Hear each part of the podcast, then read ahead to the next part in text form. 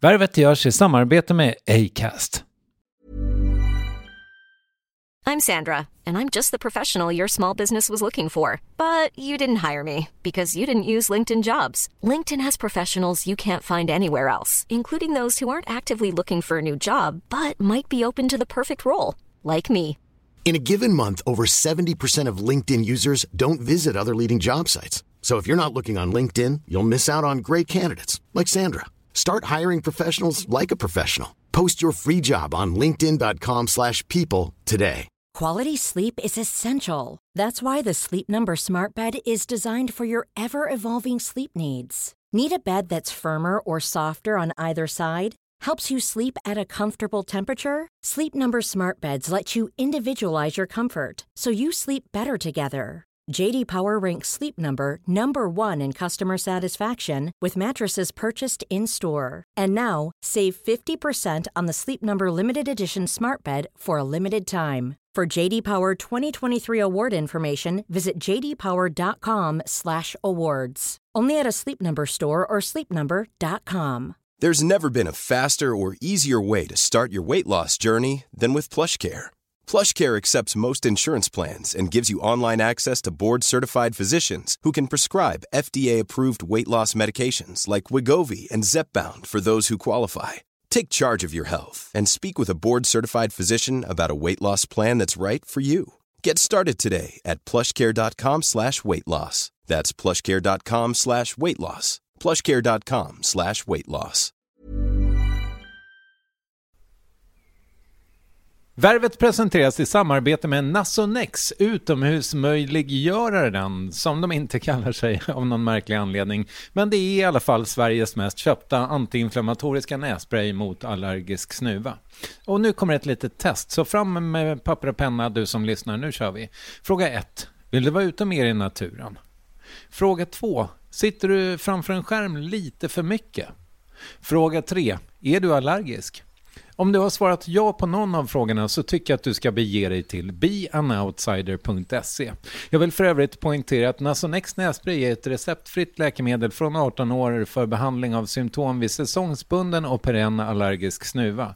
Rådfråga läkare om du är eller tror dig vara gravid eller ammar eller om du planerar att skaffa barn, har en obehandlad infektion i näsan, nyligen har genomgått en näsoperation eller har en skada i näsan.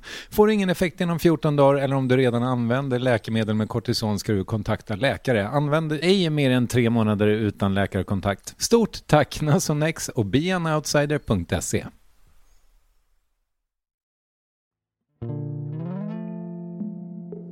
Jag sitter på fester där jag noterar efter ett tag att jag sitter här tillsammans med en kunskapsförnekare.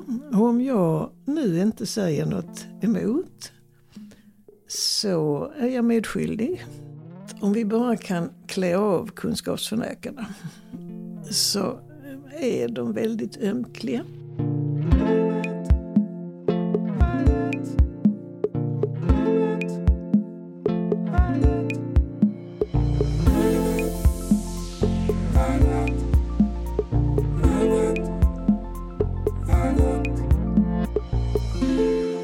Bodil Jönsson är på ett nytt korståg. Det gamla kring hur vi ser på tid och att sluta tänka på den som knapp utan något vi har gott om är 25 år gammalt och fortfarande aktuellt men nu står den också upp för kunskap i tider av fake news och lögner. Och vad Nikki Haley, Shakespeare-citat och grävlingar på Österlen har med det hela att göra det vet du efter att ha lyssnat på Värvet avsnitt 612 med professor emerita fysiker Bodil Jönsson.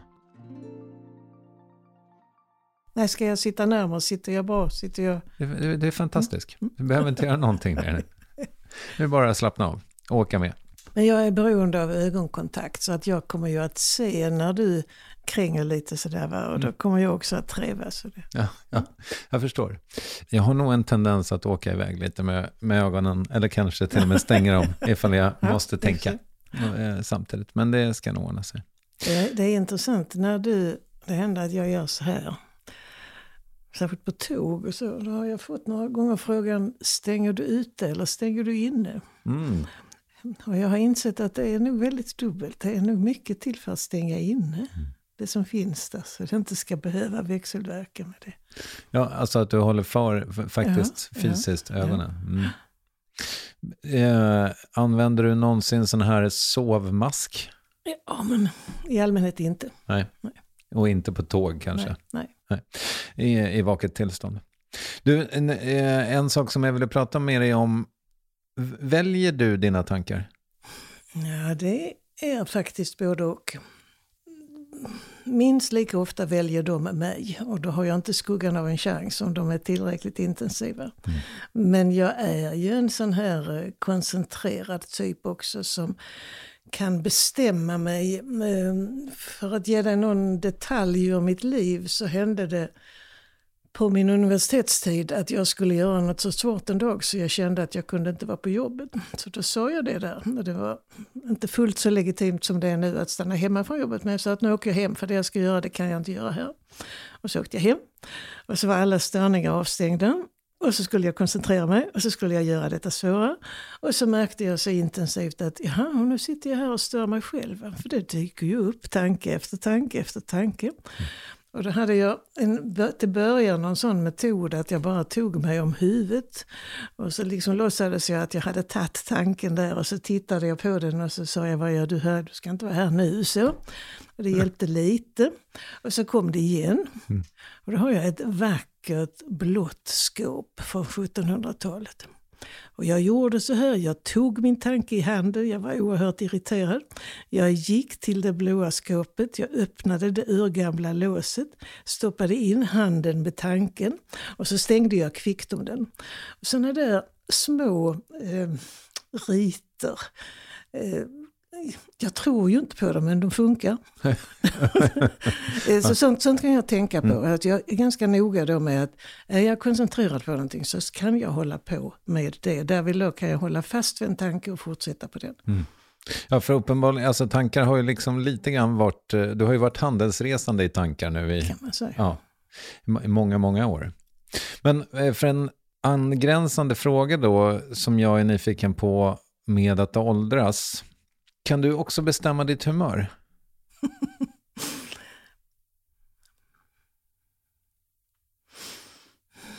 ja... Det finns ju inte något sånt där ja nej svar på det men det är klart att det finns stämningar som man kan komma in i som är oerhört svåra att bryta och som man, inte, man jag inte vill vara i. Eh, I stort sett så har jag förmånen att ha ett eh, är på något sätt självpollinerande. Jag kan alltid hitta på något som jag tycker är intressant. Mm. Jag kan inte bli riktigt uttråkad. Vilket vore det värsta jag kunde tänka mig. Utan det är som att då dyker det upp någonting. Mm. Men bestämma, det är väldigt stor skillnad på den ena dagen till den andra.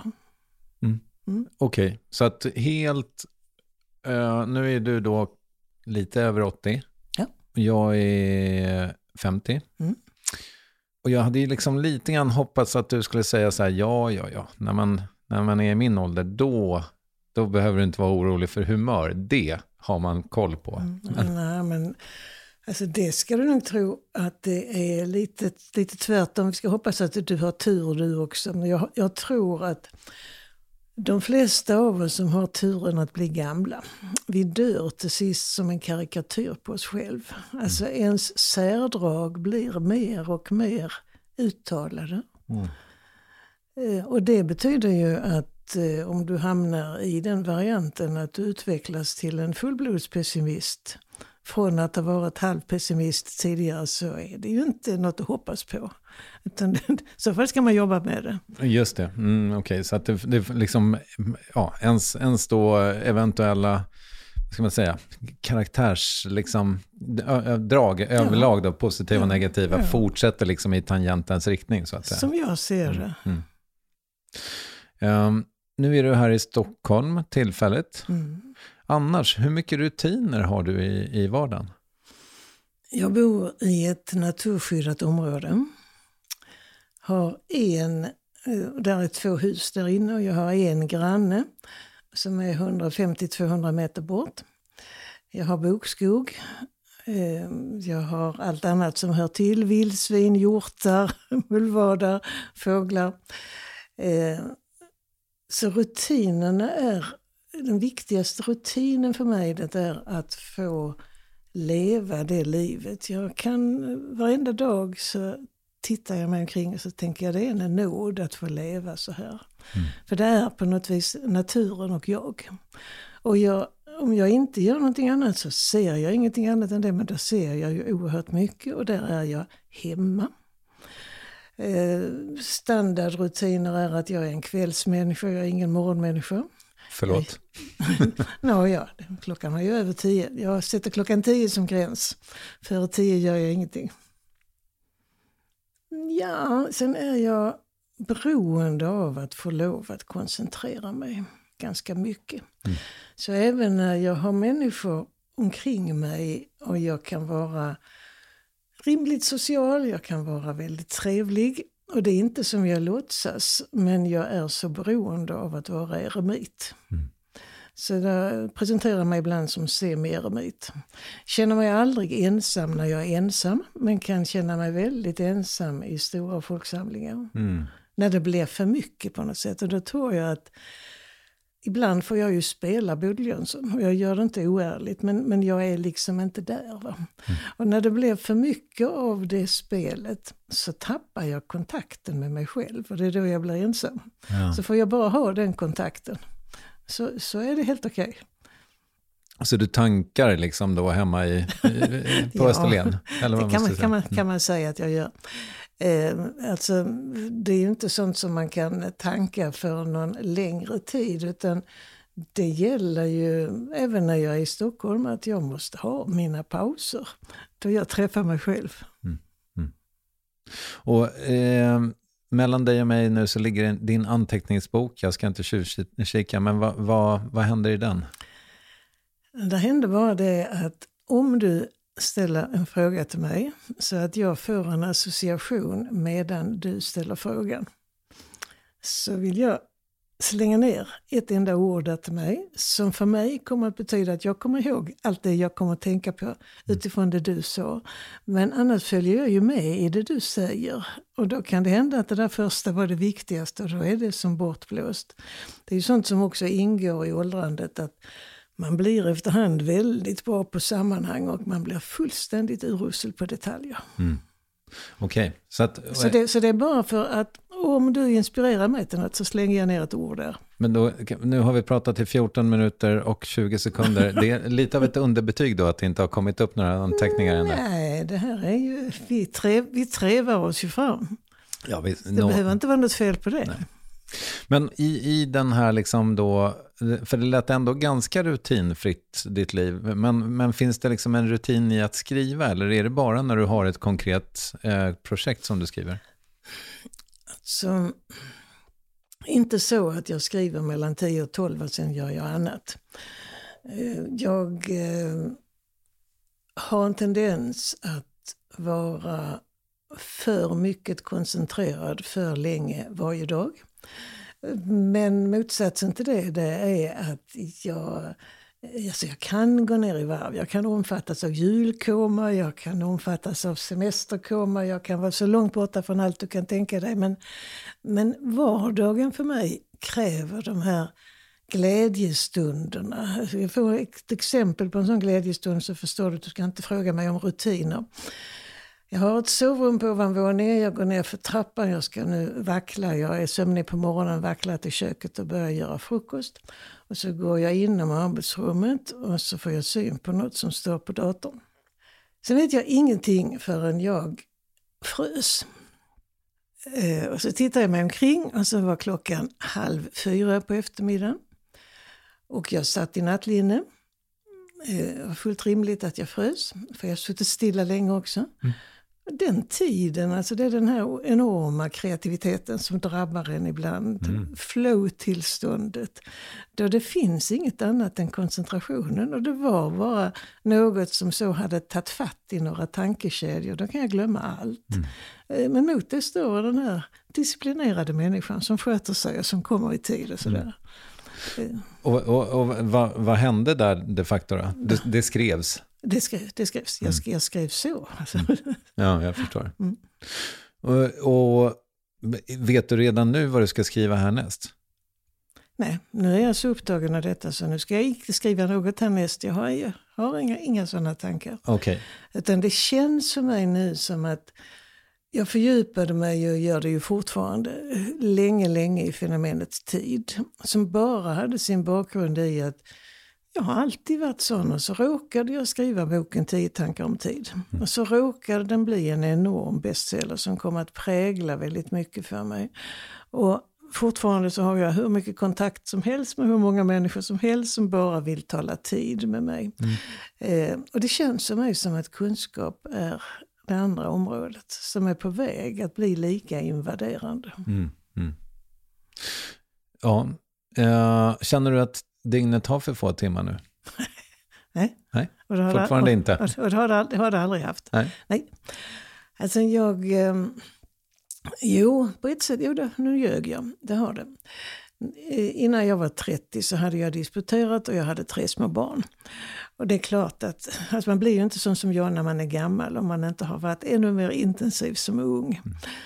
Eh, Och då hade jag en grannfru, Helga hette hon.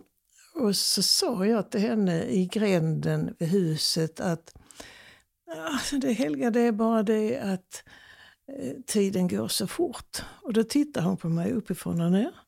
Och så sa hon, ehm, ska du säga som är så ung, vänta ska du se.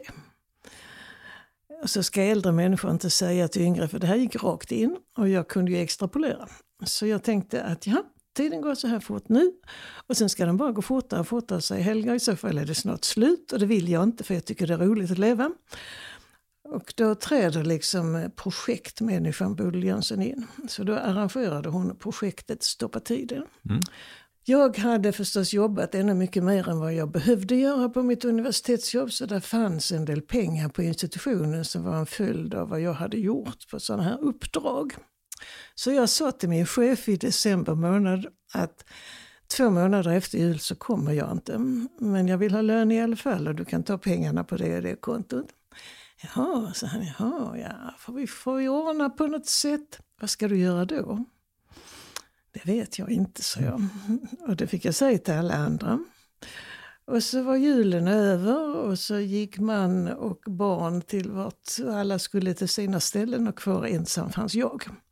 Och jag minns att den första veckan så städade jag vinden, jag slipade om parkettgolv och jag hade börjat ställa de skönlitterära böckerna i ordning från A till Ö. Efter den veckan så hade jag lugnat ner mig. Eh, och efter de två månaderna så har tiden aldrig gått så långsamt. Eller rättare sagt aldrig varit så, så jag har aldrig varit så i kontakt med tiden. Jag har aldrig så tagit till mig att tid är ju ett nollsummespel. Medan vi sitter här ett par timmar så är det visserligen så att det försvinner två timmar för oss. Men det kommer ju två timmar. Och det här att, att lika gärna se tiden som något som kommer, som något som går. Det gör ju att den är, ju, den är fullständigt ointressant utöver om man håller på att missa tåget eller någonting annat sånt där som är direkt inklockat. Eh, Så vi, tänk, vi kommer fel i livet om vi koncentrerar oss på att tiden är för kort. Det är det mest omutliga som finns. Men alltså samtidigt som man kan tycka att det är fruktansvärt att tiden försvinner så är den ju diktatoriskt generös. Du kan inte undvika att du får en minut per minut.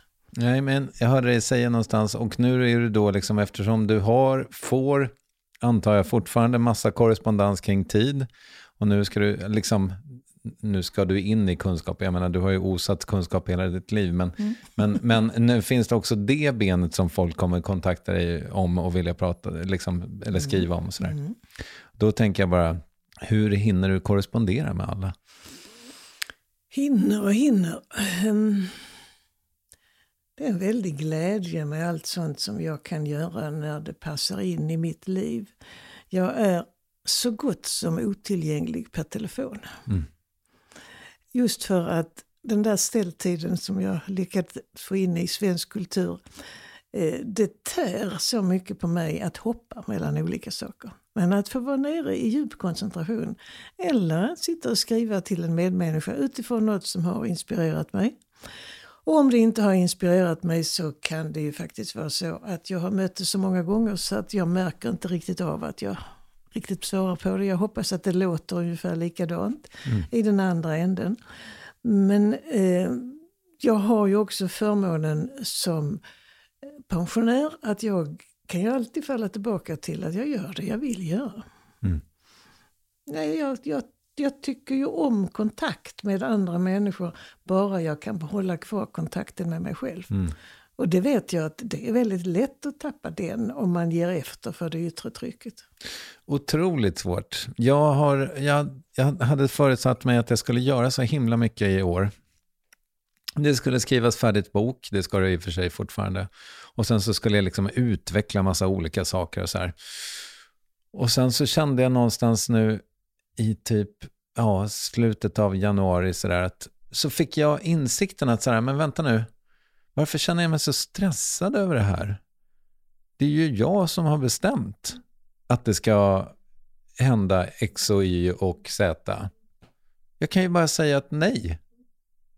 Eh, och det var en otrolig insikt. Och det är väl lite det, nu liksom predikar jag för kören här så att säga. Men det här vet ju du såklart. Men, ja, men, ja. Nej, det, jag har inte några jag har inte några kommentarer, jag har eh, några saker som slår till i min hjärna. Där sitter ett antal småbodlar som pratar med mig. Mm. Eh, och en av dem som dök upp nu medan du berättade detta, hon hämtade sin ledning från ett spel som heter Tellus-spelet som jag spelade med mina barn. Om man kom på år noll där så stod det Jesus välsigna dig, slå ett extra slag. Mm. Och det tyckte jag var oerhört roligt redan då. Mm. Och när jag lyssnar på sånt här, som du säger, du fick en insikt. Så, ja, men det är du själv som bestämmer. Mång säger det, Jesus välsigna dig, slå ett extra slag. Det vill säga när man har kommit på det så får du ju bestämma dig för det är kanske något helt annat egentligen som du vill göra. Eller är det två saker mindre. Subtraktion är ett vida underskattat hjälp, hjälpmedel. Ja. ja. Mm. Oh vad bra det. Mm. Och vilken ordning det kan bli på annat och så glad man kan bli. Um, jag tänker också, jag frågade dig om det fanns en rutin kring att skriva, men finns det en rutin kring att läsa? Alltså jag är nog periodare på väldigt mycket. Jag är periodare på att läsa mycket när jag kommer, kommer in i någonting, till exempel av alla konstigheter. Det finns ett citat i min kunskapsbok som heter Människorna gick in i betydelsernas värld där betydelserna härskade alena. Mm. Och så fortsätter det eh, tre rader till. Eh, jag kan inte hitta ursprungsmannen eller kvinnan bakom det citatet. Jag har letat våldsamt. Och så var det någon som sa till mig att vet du, det kan faktiskt finnas i Per-Anders Fogelströms Stockholmsböcker. Mm -hmm. Och de har jag naturligtvis läst två gånger till och med och för länge sedan. Och så får jag för mig att jag ska liksom bara skumma det här för att se efter. Skulle det kunna stå så någonstans där? Så fastnar jag i det. Och så blir det så att då ligger den här bokserien framme vid brasan. Och så mm, blir det så att jag slukar en bok i taget varje gång jag sätter mig i en stol där. Mm. Och jag är igenom de fem nu. Mm. Och det stod inte där, men det var väldigt bra tips. Både för att det var bra att läsa om dem. Men det är ungefär så min läsning går till. Att jag läser inte så mycket för att läsa, utan jag läser för att jag blir intresserad av något. Mm. mm. Och det kan vara allt från facklitteratur och över till romaner. Och, och, samma inställning till tv och allt och filmer och annat. Så att jag är ganska tacksam, eh, allmänt intresserad. Okej, okay, så att det, det förekommer tv-serier och... och ja, ja. ja då. Vad såg du senast? jag såg senast, så konstigt det låter, jag såg några avsnitt av True Detective som jag har missat. Mm på HBO. Eh, och vet inte om jag kommer att fortsätta att se den för den är så, den är så barock och samtidigt så är det något som är speciellt som inte alls handlar om själva, det handlar om de här två människorna och deras samspel inför det som händer. Det är en rolig, jag vet inte om det är en tillfällighet eller vad, vad som just hände, men jag har skrivit en fråga om True Detective till dig. Du har det? en, det, jag har en fråga om, eh, där, som inbegriper en tv-serie och det är True Detective.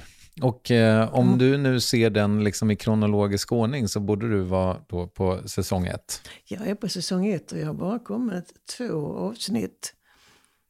Då kanske, jag hoppas att det inte är en spoiler, men någon av detektiverna säger Time is a flat circle.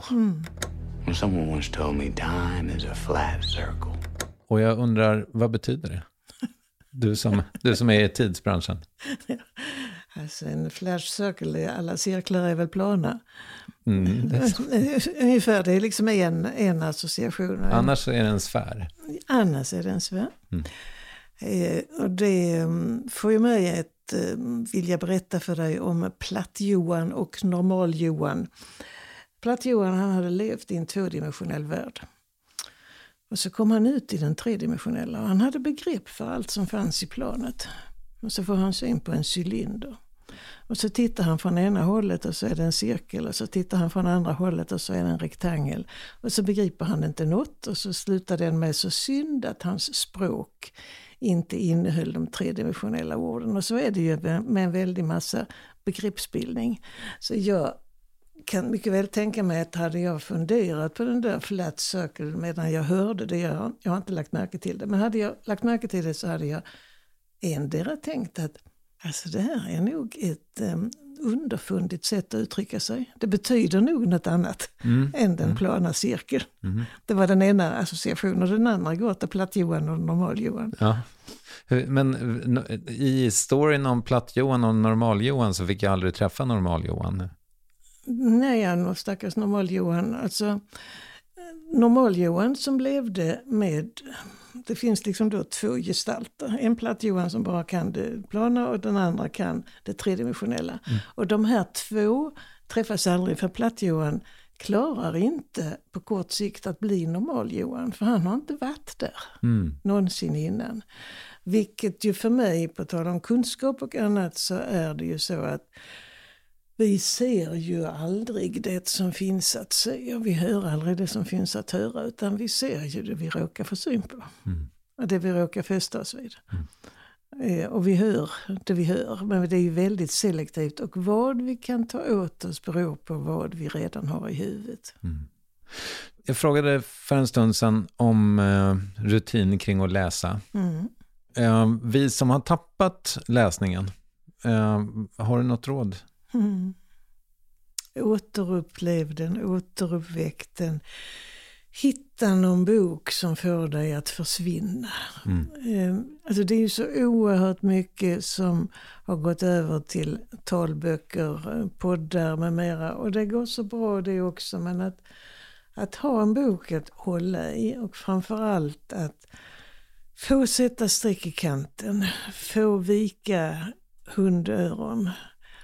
De böcker som jag har läst ser ofta ut sådana och de har ju ett oerhört värde för mig själv jämfört med eh, de olästa böckerna. Eftersom jag kommer ihåg vad jag menar när jag ser vikningarna och ser strecken. Och, och får någon... där- där är- Det här är nog nära förknippat med fenomenet tankar. För att tankens olidliga lätthet den motsvarar ju att de uppkommer som bekant väldigt snabbt. Och de försvinner lika olidligt snabbt en hel del av dem. Och det vill man ju inte med alla utan somliga vill man ju ha kvar. Och då är det ju ett öde att om jag nu har tänkt en för mig unik tanke. Jag har inte testat det mot världen, jag vet inte om den är jättestor forskningsmässigt eller någonting annat. Utan jag har bara fått den själv och så fortsätter jag läsa. Och så finns det något som är intressant också tre stycken längre fram. Mm. Och chansen för att jag tappar den som jag redan hade, om jag inte har satt en streck i kanten, eller om jag har hört det som ljudbok, den är så stor. Så vill man unna sig att stanna i koncentrationen så ska man unna sig att läsa böcker. Och sen är de så fina i bokhyllan. För Visst. De, Mm. de, de pratar ju tillbaka till mig. Men problemet är ju bara att det är så himla mycket, nu, din telefon har varit knäpptyst nu sen vi satte oss, men det är alltid någonting som liksom pockar på ens uppmärksamhet känns det som.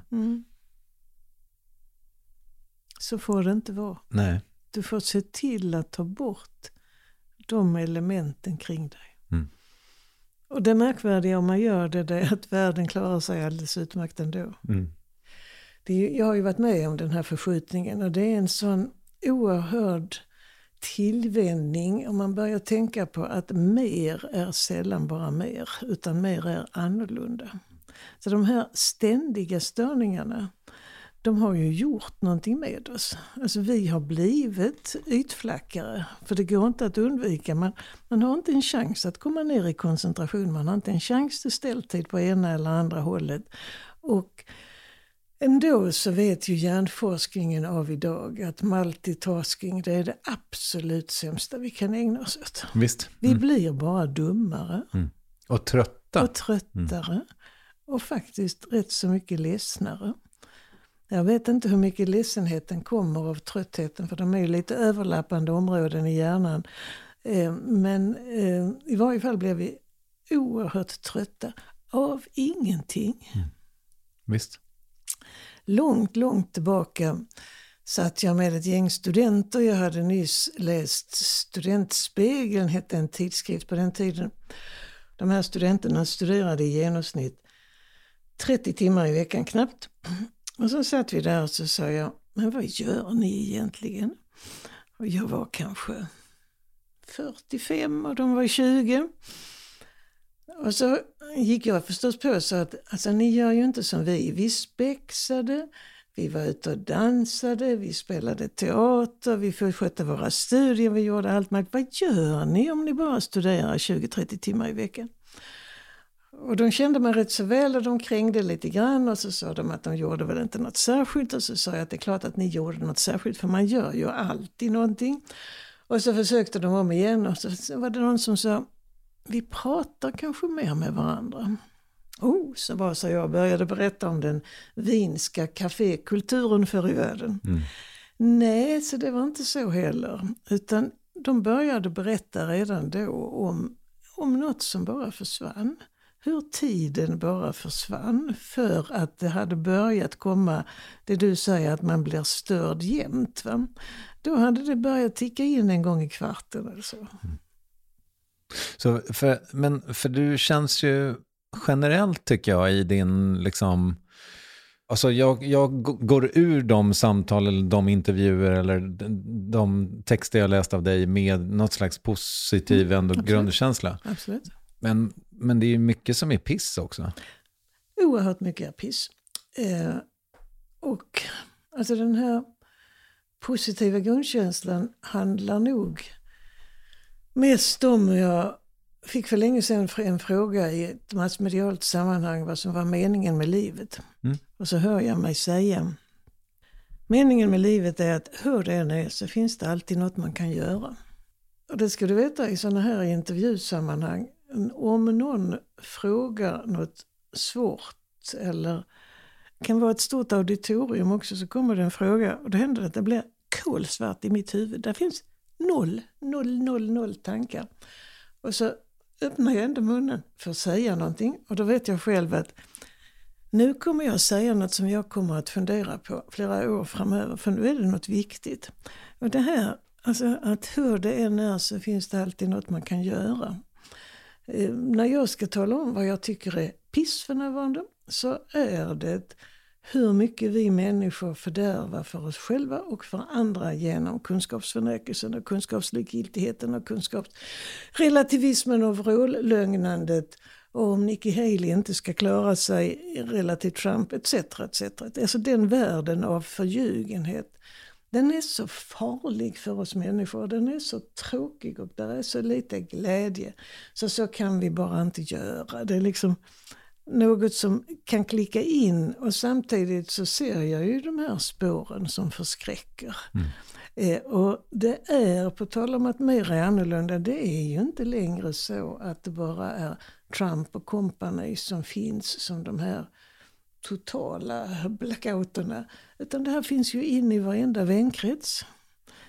Vi börjar ju bli vana vid att människor blir lite rädda och det blir så otrevligt, det blir så aggressivt. Jag sitter på fester där jag noterar efter ett tag att jag sitter här tillsammans med en kunskapsförnekare och om jag nu inte säger något emot så är jag medskyldig. Och om jag säger något så blir det bara otrevligt. Mm. Vad ska jag göra? Vad ska jag göra? Jag har hittat en massa knep för den situationen. Men eh, jag tänker mig att det här är lite som kejsarens nya kläder. Mm. Jag tänker väldigt mycket i bilder. För att om vi bara kan klä av kunskapsförnekarna så är de väldigt ömkliga.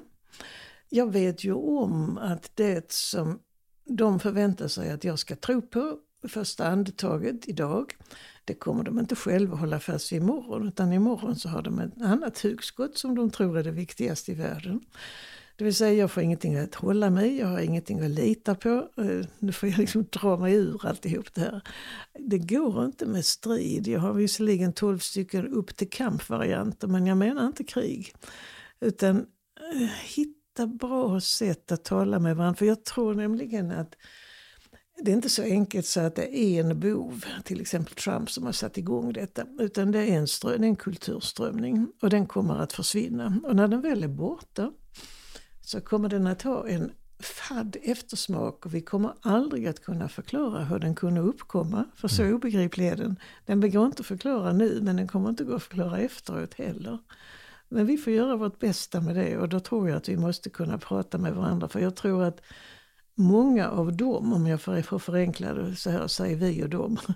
Många av dem har också upptäckt att det har så många negativa konsekvenser mm. i vardagen, också för dem själva. Så det är inte värt det. Samtidigt så vi går ju mot, eh, det är ett valår där det ser ju ut som det kommer, Amerika kommer få tillbaka Trump som president i höst. Nu säger du också det som jag tänkte på igår då jag försökte få fram röstsiffrorna från dagen innan eller natten innan. Och det tog lite tid för på allt jag fick upp så stod det att Trump vann igen och sådär. Och i själva verket så vann han bara med 54-43 eller något sånt. Mm fantastisk upphämtning. Vi får vänta lite. Mm. Men jag gick in och synade Nikki Haley på hennes hemsida och då såg jag att eh, den, den var bara full av sånt här vad man kunde bidra med ekonomiskt. Jag har ännu inte gjort det men det gick genom huvudet på mig att ja, på samma sätt som det kan kännas bra att skicka pengar till Ukraina så kan det kanske kännas bra att skicka pengar till Nikki Haley. Mm. För den världen med en Trump med samma bluffegenskaper, den är farlig för oss alla. Det är klart, mm. visst. Men jag har inte, jag har inte gett, gett upp det köret. Mm. Har du? Nej, jag har inte gett upp någonting, Bodil. Ja. ja. Um, men däremot så är jag, alltså, eller så här, under vintern så har det skrivits ganska mycket. Det började väl kanske lite grann med det här kändisuppropet kring Gaza. Uh, när 160 kändisar tyckte att nu får det vara nog. Um, men sen så har det då i mina flöden, som man säger, alltså i mina sociala medier, så har det väl funnits ganska många ändå som har liksom uppmuntrat till uh, engagemang. Mm. Eh, och är det någonting som kanske präglar min generation och generationerna efter säkert också, så är det ju brist på engagemang. Och jag är medskyldig där, så att det bara smäller om det. Jag, är, jag eh, har kanske också gömt mig lite, lite bakom det jag gör. Ja, men jag är, jag är nästan public service. Jag ska, jag, behöver liksom, jag ska inte ha några åsikter. Jätteskönt att slippa ha åsikter ju. Men det är också lite fegt, mm. tänker jag. Um, I år tänkte jag skaffa några åsikter. Du behöver inte anteckna, för du kan säga direkt. jag ser att du är på väg nu. Inget kan man göra utan att det märks.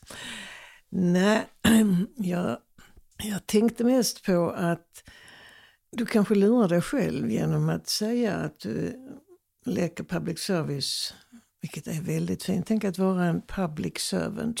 Mm. Yes, jag, jag, gillar det mycket. Mm. Eh, men att du eh, inte riktigt eh, står upp för det du gör och inte är medveten om dina val. Du väljer ju till exempel vem du sitter och intervjuar i dina poddar. Sant. Det är ofta väldigt talande, särskilt om man tittar på det retroaktivt. Mm. Vad är det som jag tror har format mig? Jag har i min vänkrets, en teoretisk filosof som är oerhört duktig så som de är. De har sina beslutsträd och han och jag vi har pratat med varandra i 25 år eller sådär. Och det beslutar alltid med att jag säger pass, jag ger mig, men du har fel. För att eh, han kan sabla ner mig utifrån sitt sätt att argumentera och så känner vi varandra så väl så att vi vet att när vi kommer tillbaka till detta så ibland kan det visa sig att jag hade faktiskt rätt. Va? Han var på fel beslutsträd när det här kom fram. Mm. Men, men att få upp medvetenheten om att um, det finns ju sån här klassisk romantitel, Du väljer ditt liv. Mm. Jag tror du väljer ditt liv. Du ser ut som en som väljer ditt liv. Du tittar på mig i ögonen som att du väljer vilka frågor du ställer. Mm. Inte bara utifrån vad som står på skärmen, utifrån vad som kommer upp i huvudet på dig. Visst. Mm. Så fortsätt med det. Mm.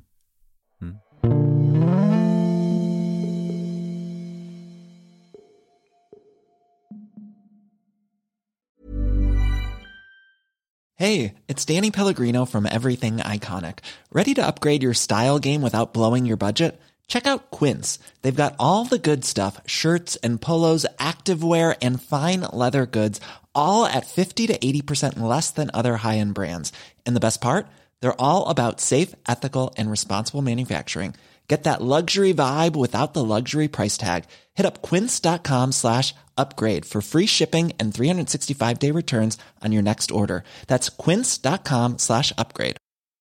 Hiring for your small business? If you're not looking for professionals on LinkedIn, you're looking in the wrong place. That's like looking for your car keys in a fish tank.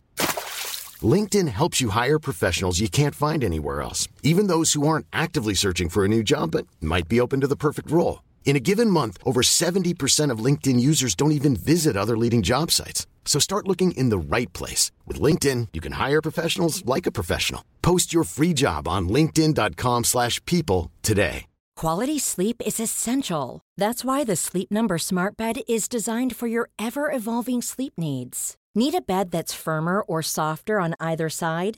Helps you sleep at a comfortable temperature? Sleep Number smart beds let you individualize your comfort so you sleep better together. JD Power ranks Sleep Number number 1 in customer satisfaction with mattresses purchased in-store. And now, save 50% on the Sleep Number limited edition Smart Bed for a limited time. For JD Power 2023 award information, visit jdpower.com/awards. Only at a Sleep Number store or sleepnumber.com. Yes, ny sponsor. Värvet presenteras i samarbete med Svea Bank. Och jag menar inte att ta ner stämningen, men dessvärre är ju lågkonjunkturen här, vilket innebär att de flesta branscher har det tufft och också väldigt många privatpersoner. Jag vet själv vad det är att ha en trasslig privatekonomi. Det var struligt i många år för mig och låg ofta post i hallen med trista logotyper i ena hörnet och jag hade också i flera års tid ett helt gäng betalningsanmärkningar. Och tyvärr är det nog många som har det svårt att få ihop till räkningarna just nu, som har hamnat i ekonomiskt trubbel. Och det är här Svea Bank kan kliva in med något som kallas skuldfinansiering. Där löser de skulder hos inkasso och till Kronofogden och till och med om Kronofogden vill sälja ditt boende har Svea Bank möjlighet att hjälpa till. I den här tjänsten får du en personlig handläggare som gör en grundlig genomgång av din ekonomiska situation. De tar kontakt med dina kreditgivare och när ett lån beviljats löser de dina skulder skulder åt dig och samla dem i ett enda lån med en avbetalningsplan som din ekonomi klarar av. För om du har hamnat i klister, du är inte ensam och kanske kan det här hjälpa dig. På svea.com skuldfinans kan du läsa mer. Tack Sveabank! Jag har några frågor om, om eh, barn alldeles strax eftersom jag mm. har barn också. Du har barn och barnbarn. Mm. Um, och barnbarns barn, glöm oj, inte det. Oj, snyggt. Okej. Okay. Nej, men är du liksom... Eh, är du orolig kring, kring vad de växer upp med? Så här? Är du orolig för skolan? Ja. ja. Alltså, om vi tar kunskapsförnekelsen och håller oss till den, det räcker med den för att svartmåla den nuvarande tillvaron.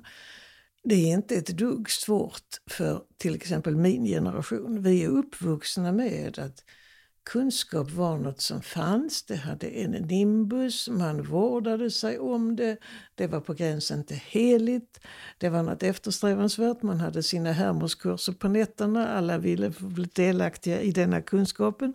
Och livet lekte och det var bra för oss allesammans. Eh, om man nu fortsätter den på det spåret framåt och ser hur det har blivit så tänker jag, vem har det svårast nu? Jo, det har ju barnen. Det är så o, alla barn behöver återkoppling. Barn blir så glada. Jag har numera också träffat en tvååring som kan tricket som jag dessförinnan bara hade gjort med treåringar. Om jag säger du, jag vet att du är tre år. Så blänger de på mig tänker säkert en, ännu en sån där tradig tant som inte vet någonting. Men om jag håller upp tre fingrar mm. och säger jag vet att du är tre år. Så har jag inte träffat det barnet som inte har försökt få upp sina tre fingrar. Mm. Och så tittar vi på varandra, vi är bästisar och bundis och vi har visat varandra att vi förstår precis exakt detsamma. Det vill säga barn strävar ju genom härmning och betingning, allt det som vi har pre-wired inuti oss. De strävar efter att få återkoppling. De strävar att få reda på hur det är och det gör de också när de kommer in i trotsåldern och sådär. Man vill ha reda på hur det är. Om det då finns en omvärld som inte vet den heller så är det ju bara ett gungfly, det de kan få återkoppling från. Och sen blir det ännu värre när de kommer upp i tonåren. För då har man bara en fråga i huvudet. Det, det erkänner ingen tonåring, men det är så. Vem är jag? Vem är jag? Och det kan man fråga på hur många olika sätt som helst utan att säga vem är jag? Om man då bara får falska återkopplingar från de sociala medier där man själv och alla andra bara har lagt ut bilder och händelser som är vackrast, roligast, hitta på vad du vill. Mm. Om man går omkring där och är finnig och trött och allt det som alla tonåringar är och ingenting stämmer så får man ju inte återkoppling från det som man skulle behövt. Eller så får man de här återkopplingarna att ungefär det går lika bra med selleri. Mm. Om du känner den. Ja, jo, den, ja, den, jag är den, gammal nog. Ja. om du känner den koden. Um, men det här att ställa det mot att en sån som jag, jag frågade aldrig mina föräldrar vad ska jag göra nu? För att jag visste att då blir jag satt i arbete. Mm. Och det ville jag ju inte. Mm. Mm. Det var en värld som inte på något sätt, som det kändes som barn, påverkades av oss. Utan vuxna arrangerade tillvaron och skötte sitt liv. Och så fick barnen fick lov att finnas där och hänga med. Det fanns icke en förälder som hade dåligt samvete för att de inte var tillräckligt mycket med sina barn till exempel. Det var otänkbart.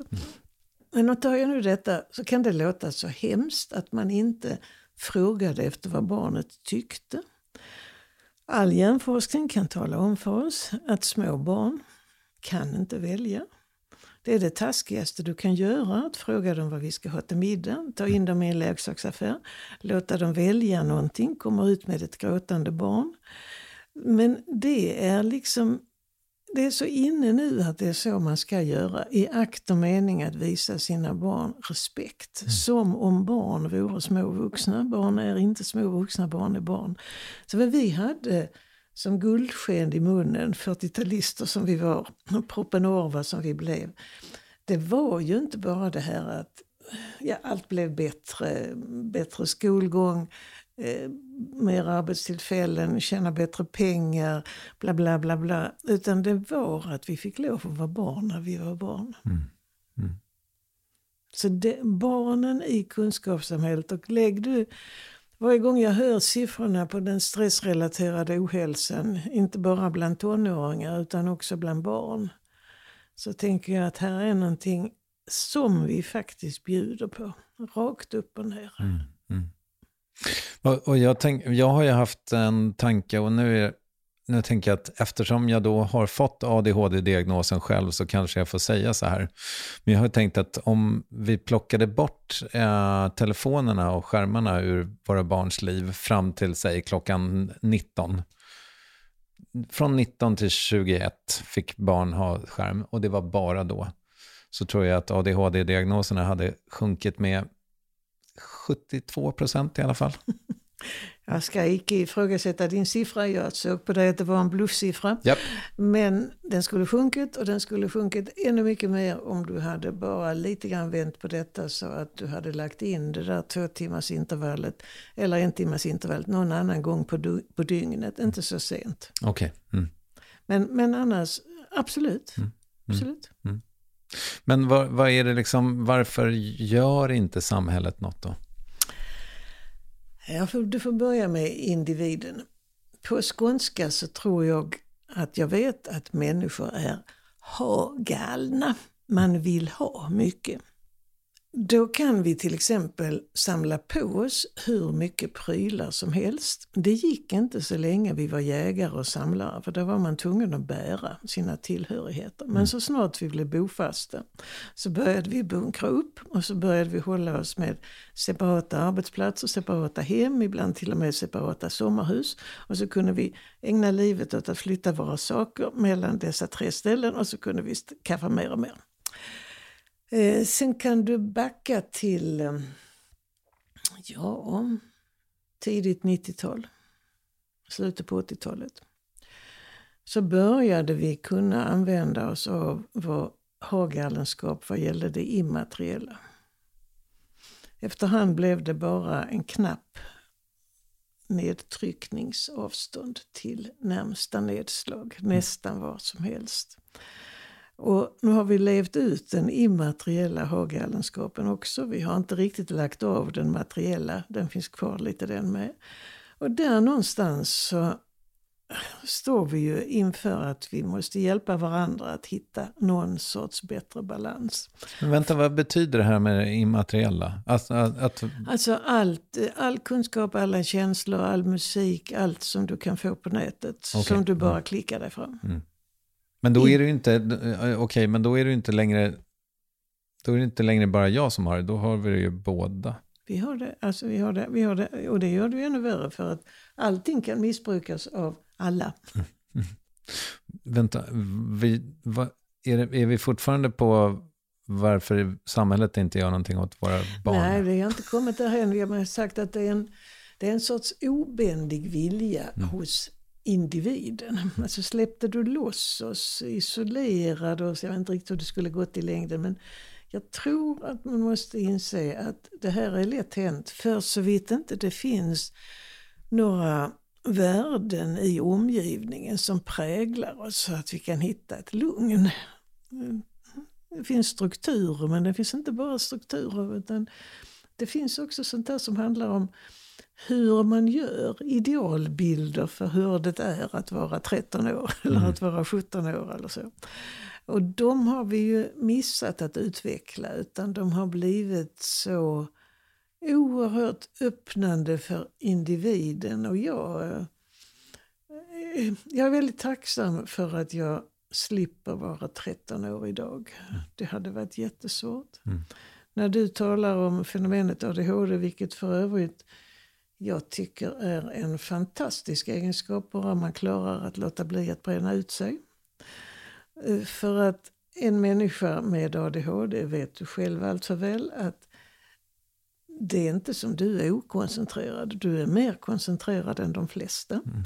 Det är bara att när du har tömt ut allt vad som finns att veta om den handen mm. så rusar du vidare.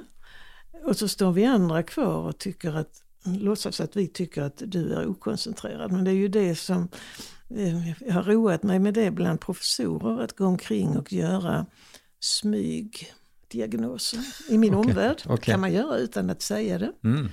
Hur gör man det? Och överrepresentationen av ADHD den är väldigt hög. Ja. Eh, vilket leder till att de är så oerhört duktiga. Mm. De har gjort så mycket, de har läst så mycket, de har betänkt det så mycket. Eh, nackdelen är ju om man inte orkar hålla ihop. Nej, visst. Nej, men man, alltså, vad, vad mig anbelangar i alla fall så är det ju, eller det har varit historiskt sett väldigt lätt att ta slut på min ja, energi. Absolut. Men samtidigt så tänker jag också att förmågan att ha hyperfokus å ena sidan och å andra sidan att vara lätt distraherad. Jag tänker mig att liksom för 10 000 år sedan om du och jag hade suttit på en savann så att säga, så hade det varit ganska bra egenskaper mm. att ha. Mm. Så att, eh, ja. Antar att du känner att jag är åtminstone ADHD Asperger kusin. Mm. mm. Jag, jag, jag, har mina delar mm. som är väldigt ADHD och väldigt Aspergerska. Mm. Du, någonting som kanske är, är besläktat med detta och ett begrepp från boken som jag tyckte var intressant att läsa om, som jag gärna hör dig prata om, är KASAM. Mm. Vill du berätta? Ja, eh, vi mår väl av att uppleva att någonting hänger ihop. Som om hela världen vore bara staccato i musiken. Eh, om det vore bara enskilda detaljer. Så ingår det i hur vår hjärna är konstruerad att vi vill se att om jag gör så, så blir det så. Eh, vi vill kunna förutsäga saker framåt och vi vill kunna förutsäga dem nästan bakåt också för att vi ska få ihop det. Mm.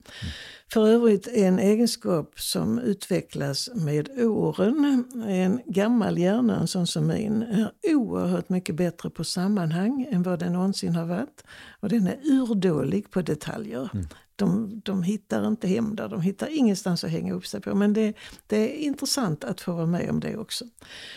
Då har det visat sig att bland människor som har en känsla av sammanhang så klarar man sig bättre. Det gjordes lite märkvärdiga undersökningar till och med inuti koncentrationsläger. De som, som Viktor Frankl har skrivit om detta. De som sparade en aldrig så liten brödsmula från ena dagen till nästa. Fler av dem överlevde. Och det är rätt så lätt att förstå att redan han förstod att det här handlade inte om det fysiologiska. Det var så lite näring. Mm. Så det var någonting annat. Och så känslan av sammanhang handlar ju ofta också om att tro att morgondagen finns. Eh, och eh, hela han, han blev sedan eh, doktorand, han hörde till, före kriget hörde han till Freuds eh, favoritstudenter. Sen blev han efterhand Professor med inriktning på att livet måste ha en mening. Har du läst Viktor Frankl? Nej. Nej men det finns eh, tunna böcker. Kolla en Viktor, kolla en Viktor Frankl-bok om att livet måste ha en mening. Mm. För det har rätt så mycket med känslan av sammanhang eh, som man kan då också diagnostisera på så sätt att det finns färdiga frågeformulär nära anknytande till livskvalitetsvarianterna. Och det här att ha en känsla av sammanhang, det handlar om att saker ska ha en mening. De ska vara begripliga och de ska vara hanterbara. Mm. Så när du till exempel sitter och slåss med eller mot någon myndighet och upptäcker att du tycker inte det var någon mening med det, men det, och det är inte heller begripligt hur de har tänkt att det ska bli när det är 17 vikarier på vägen mot att jag någonsin får fram mitt ärende och det är inte ens hanterbart. Där någonstans, om de här tre är uppfyllda så kan livet leka. Om de inte är uppfyllda så blir det bara stoppklossar. Mm. Mm.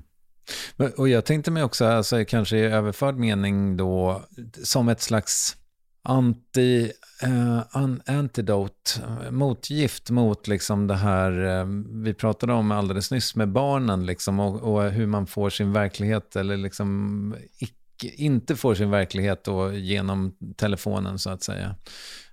Jag ser det på min, framförallt min stora pojke som har basket och såklart ett digitalt liv och bla bla bla. Men basketen känns ju som så här, det är väldigt mycket kasam. Mm, absolut, tänker jag. Absolut. Ja. Vilket också, och det har en överspridande effekt, det här med vad man gör ihop. Det de gör ihop där i sitt basketspel, det har ju överspridning på hur de pratar om annat. Visst, visst. Och det här känns ju som att det här är vår, alltså bristen på sammanhang, det är en folksjukdom skulle jag nästan säga.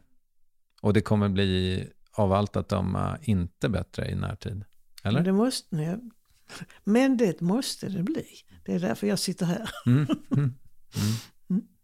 Finns det någonting med AI, för jag vet att du, du pratar gärna om AI, du använder AI, men finns det någonting med AI som skrämmer dig? Ja, inte, alltså inte, inte hos tekniken i sig. Eh, jag hör till dem, jag har jobbat på en teknisk högskola i 46 år. Alltså teknik är aldrig mänsklig, den är inte heller omänsklig. Teknik är teknisk, i värsta fall är den oteknisk, det är den när den hänger upp sig. Så. Eh, men om man går tillbaka till människan och människor som använder AI så är det klart att det kan bli så om du tar ett makroplan börja med att tänka på att det är klart att vi kan få en oändlig plötslig arbetslöshet. För att det blir plötsligt ett antal saker som AIn gör inte bara lika bra som vi utan mycket bättre än vad vi gör det. Och hinner då inte samhället eller arbetsgivarna eller civilsamhället med att ställa om sig så kan det här skapa en väldig massa mm, konflikter som leder till andra konflikter. Lite så. Mm. Men någonstans så är det ju lite som när föregångarna till Google, Alta Vista och allt vad de hette. Jag försökte vara någon sorts apostel för dem och så skulle jag förklara varför det här var så bra. För det fanns ju uppslagsverk, sa ju andra människor runt omkring. Ja men, sa jag, ehm, en häst, en häst, mitt kungarike för en häst. Om du vill ha reda på vem som sa det, mm. vad ska du söka på då? Du kan inte söka på häst, du kan inte söka på kungarike. Du måste söka på hela detta. Det har vi aldrig kunnat göra. Nu plötsligt så kan vi det. Rassel, rassel, rassel och så kommer det så. Jag känner lite på samma sätt för AI. Att jag tycker det är så roligt att leka med det.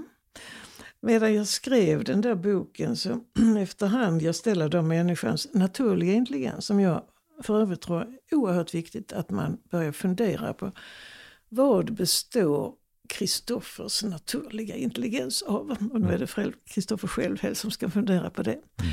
Och den består av det som du har lärt dig på olika sätt under hela ditt liv. Och den är en sån unik blandning så det är en unik del av din individ. Och den är så personlig och den är din och den kan ingen AI i världen hota. Mm. Däremot så tycker jag det skulle vara väldigt roligt att med min naturliga intelligens, om du väntar ett år eller två, när den artificiella intelligensen kan bära på ännu mer av världens samlade vetande. När jag kan sitta med min lilla, alltså 8 miljarder, 9 miljarder vad vi kan vara då, va? med min lilla andel och få prata med någon som jag inte stör och som representerar att den har tillgång till allting så.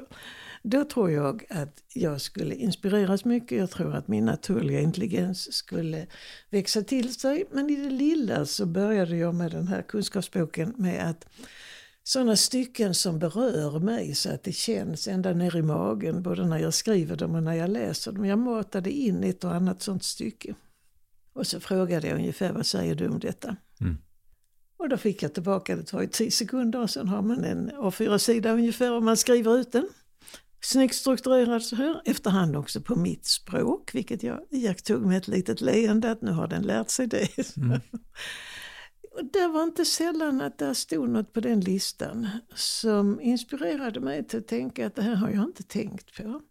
Och då är det inte så att jag skriver något som den artificiella intelligensen har skrivit åt mig. Det är inte så det ska funka, det är ju det som nu är skolans stora fas att alla lärare är så rädda sägs det för de kan inte sätta betyg för att hur ska de veta bla bla bla bla. Har vi respekt för den naturliga intelligensen så får vi börja se det så att det är vårt NI som ska växelverka med ett AI. Mm. Det jag har märkt när jag, för jag sitter och skriver bok nu och då tycker jag nästan aldrig, men det kanske är lite samma som för dig, när jag säger sådär jag klipper ut ett stycke då. Och sen så säger jag, eh, fortsätt det här stycket och sen så klipper jag in stycket. Mm. Och så får jag liksom fem olika varianter då på hur det skulle kunna fortsätta. Och de är alla pissdåliga. Ja, Men man kommer ändå vidare ofta. Ja. Och det har jag aldrig gjort, för det har jag utgått från att det ska vara så dåligt så det, det kommer jag bara bli irriterad av. Ja. Men jag ska kanske börja prova jag också. Men, men det kommer att bli bättre. Mm, det är klart. Mm. Du är över 80, ger massa föreläsningar, skriver, du sitter här. Uh, samtidigt så kommer det snart en film uh, som Filip och Fredrik har gjort uh, som handlar om att Filips pappa liksom givit upp och ni är samma generation. Hur får man sina släktingar att inte göra det? Om man har någon i sin närhet liksom, som man känner har stelnat. Har du något tips om hur, hur får man upp dem ur soffan så att säga?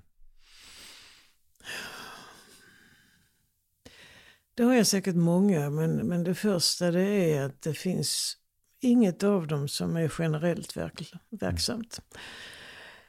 Bland människor i min ålder så finns det de som fortfarande tycker att de har ont om tid. De tycker att tiden går mycket fortare än vad den någonsin har gått. Eh, och de har almanackor som är överfulla och de rusar omkring i livet och är egentligen nöjda men ändå inte nöjda för dem. Det är ju så ju äldre man blir att många saker tar lite längre tid. Det tar lite längre tid att klä på sig, att röra på sig. Det tar jättelång tid att komma på detaljer och det är lite opraktiskt stora delar. Den stora glädjen som vi kan ha det är ju att vi har så många årsringar inuti oss som vi kan umgås med. Mm.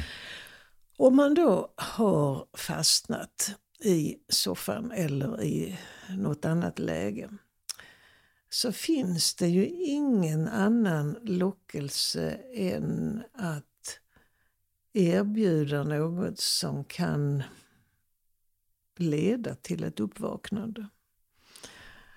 Och det där beror ju alldeles på vem denna människan, vem denna människan är. Mm. Eh, vanans makt är oändligt stor. Har man märkt att man kan sitta i soffan och man kan bli allmänt underhållen och man kan få mat och lite så, så kan man bli så förslöad till sinnet och till kroppen att det känns omöjligt och då är det det gamla vanliga som handlar om hur kommer du igång med en träning till exempel. Eh, men det finns ju ingen riktigt som vill ha det så. Eller, eller alltså jag ska inte säga så för det, det kan finnas de som vill ha det så. Jag funderade mycket när jag skulle pensionera mig. Så funderade jag på att nu är det jag som ska bli gammal. Hur ska det gå? Hur ska det gå? Och insåg att bland alla människor jag känner så finns det de för vilka pensioneringen det är det roligaste som har hänt i hela De har aldrig dratt så mycket jobb. Mm. De har velat ha det bra. Och nu har de chansen att ha det bra och det är legitimt att ha det bra. Mm. Omvärlden tycker ju också med om oss att vi ska ha det lite bra. Och det finns, du har inte sagt ut det, men det finns ju många som tittar på min sort och funderar över vad finns det för ångest bakom att de far omkring som de gör. Varför kan de inte lugna ner sig? Och det enkla svaret på det, det är att vi har så roligt mm. i det vi gör. Mm. Eh, och sen finns det någonting till som har det vetenskapliga begreppet generativitet. Du har nog inte hört generativitet tidigare. Men du kan börja, du är inte tillräckligt gammal för det, men du kan tänka lite på dina barn och så kan du tänka att så viktig som du var för dig själv, så viktig har du nog aldrig varit sen du fick barn, för då blir det att de är ännu viktigare. Visst. Eh, och så inträffar det magiska när man får barnbarn, att man kommer på att jag hade ännu inte lärt mig begreppet generativitet då, men jag kunde ju märka att om kriget hade kommit så kom jag på att jag skulle ju inte rusa till mina barn. Jag skulle rusa till mina barnbarn. Mm. Det var dem mm. som jag hade de här primitiva känslorna för. Och nu har jag förmånen att få uppleva också barnbarns barn och känna att den är minst lika stark. Ytterligare en generation framåt. Att vi vuxna är till för barnen. Eh, det hjälper ju inte den den pappan som sitter och, eh, och, och bara sitter. För så vitt det inte är så att en impuls åt barnhållet eller en impuls åt något annat håll som handlar om något som kan intressera honom. Annars är ju alltså, motsvarigheten är de människor som sitter på institutioner än idag. Ofta i korridorer, ofta i rullstol. Där finns en klocka den klockan har ofta en minutvisare. Och de upplever det inte alls som att tiden går så fort. De upplever att det är en oändlighet mellan det ena minutvis-slaget och nästa. Mm. Och det här visar ju upp precis det hela det spektrumet som kan finnas när man har gått in i någon tillvaro där man kanske inte vill vara med. Mm. Och det kan kanske också vara legitimt. Men jag tänker mig också att man kanske då som yngre släkting, om man tycker att det är sorgligt, ja. då kan man väl fundera lite på det här med Kassam kanske. Ja. Om, om det går att bilda ett, skapa ett sammanhang Absolut. för den äldre släktingen, så att säga. Ja, och, och då är det som sagt, jag återkommer till de tre. Att det är inte bara att det ska vara ett meningsfullt sammanhang. Utan det ska vara begripligt och det ska vara hanterbart. Mm. Och det går.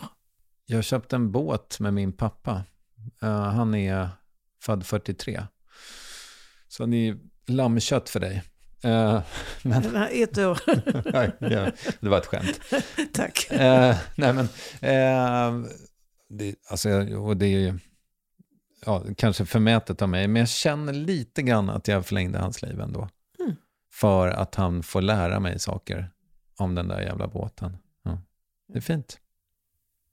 Och det blir så dubbelriktat för då märker ju han också vad du kan ta åt dig och vad du inte kan ta åt dig. Och du får en inblick i att han faktiskt kan någonting som du inte kunde. Eller hur? Och det var ju, nu har vi inte pratat om, men det var ju blandningen av generationer förr. Vuxengenerationen kunde sånt som barnen skulle behöva. Då, när då barn fick vara med och spika på ett hus och samtidigt som de fick titta på och göra lite så kunde man ju passa på och slå in lite vett i skallen på dem så kallat. Eh, för att den äldre generationen hade övertaget och det har vi ju inte längre. Utan det är ju alldeles uppbrutet och det där gör att man får leta framlänges och baklänges för att hitta vad kan vi bidra med till varandra. Mm. Men nu, det här kändes som det här var ett så perfekt ställe att avsluta intervjun på egentligen. Men jag blev ändå nyfiken på, för jag, jag tyckte att man fick syn på någonting under pandemin, och det här har jag pratat om förut, men att det, det liksom, i din generation, ni var ganska dåliga på att bibehålla oss i våra liv, eller om det nu var vice versa.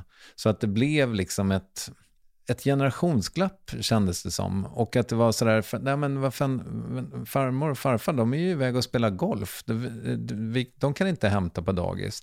Så som det kanske funkar i många andra kulturer, Amerika inte minst. Liksom. Och då blir det lite så här, varför ska vi komma och hälsa på er? Vi, vi känner ju inte er. Ni har ju varit och spelat golf i 20 år. Nu får vi gå tillbaka till coronan. Vad var det som vår civilisation gjorde med min generation då? Mm. Jo, då kulturminnesmärksskyddade ni oss.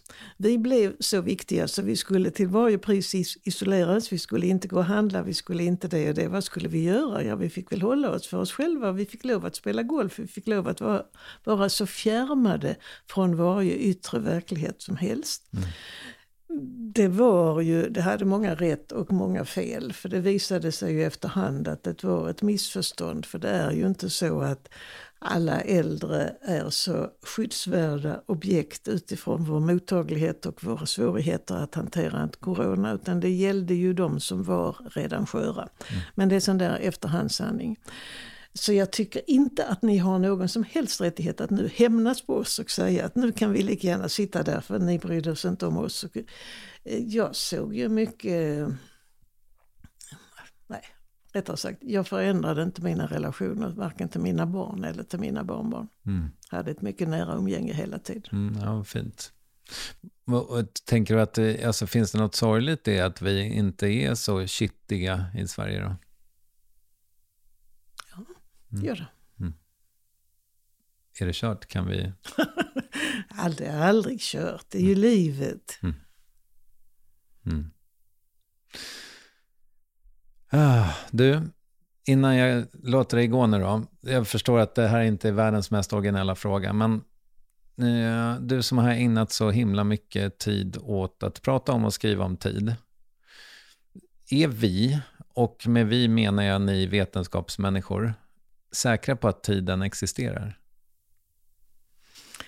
Ja, och det är vi av det enkla skälet att vi människor, vi har letat efter sätt att få koll på tillvaron.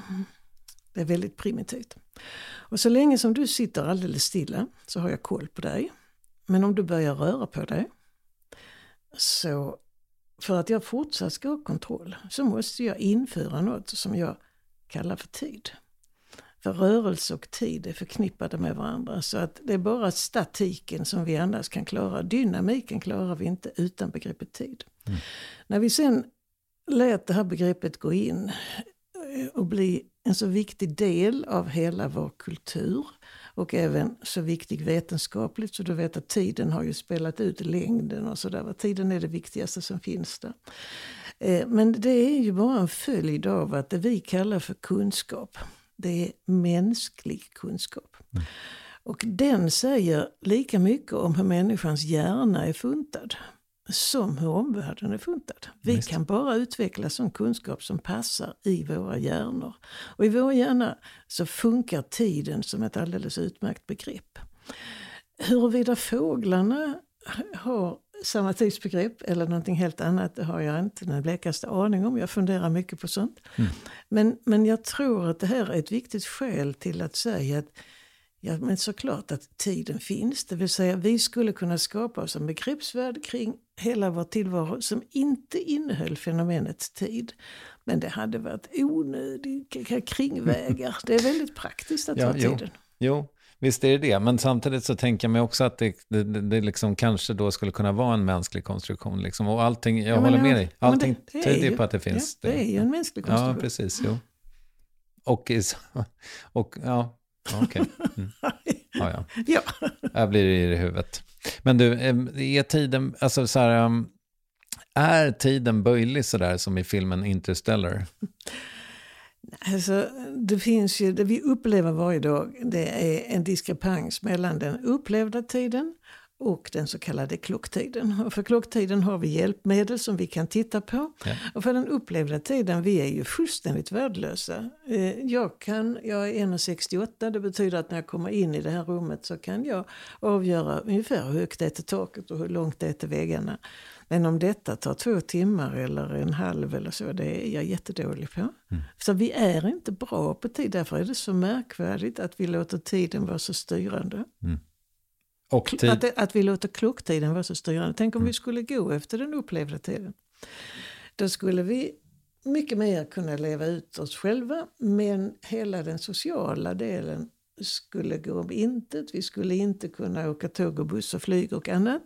Vi hade inte kunnat någonsin synkronisera oss. Jag brukar tänka på att när de första fickuren kom vilken fantastisk variant det var att man kunde säga vi träffs på torget klockan 12. Mm. Och var och en hade med sig sin klocka.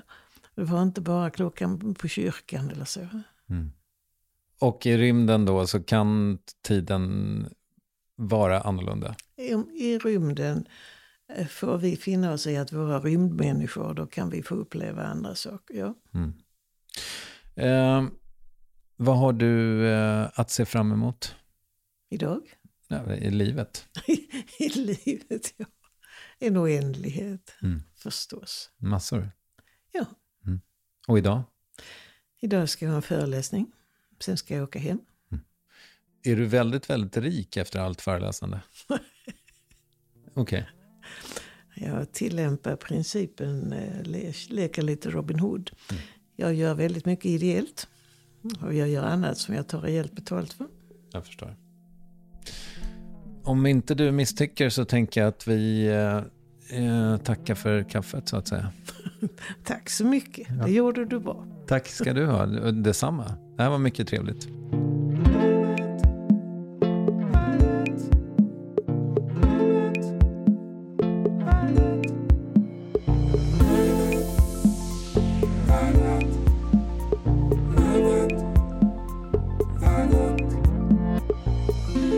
Ja, så fint att kunskap finns, så heter boken. Och så fint att Bodil Jönsson finns och att Ninni Westin finns. Annars hade dagens Värvet gått ut helt oproducerat. Jag heter Kristoffer Triumf och Värvet är en podcast från Acast. Vi hörs mycket snart. Tack och hej!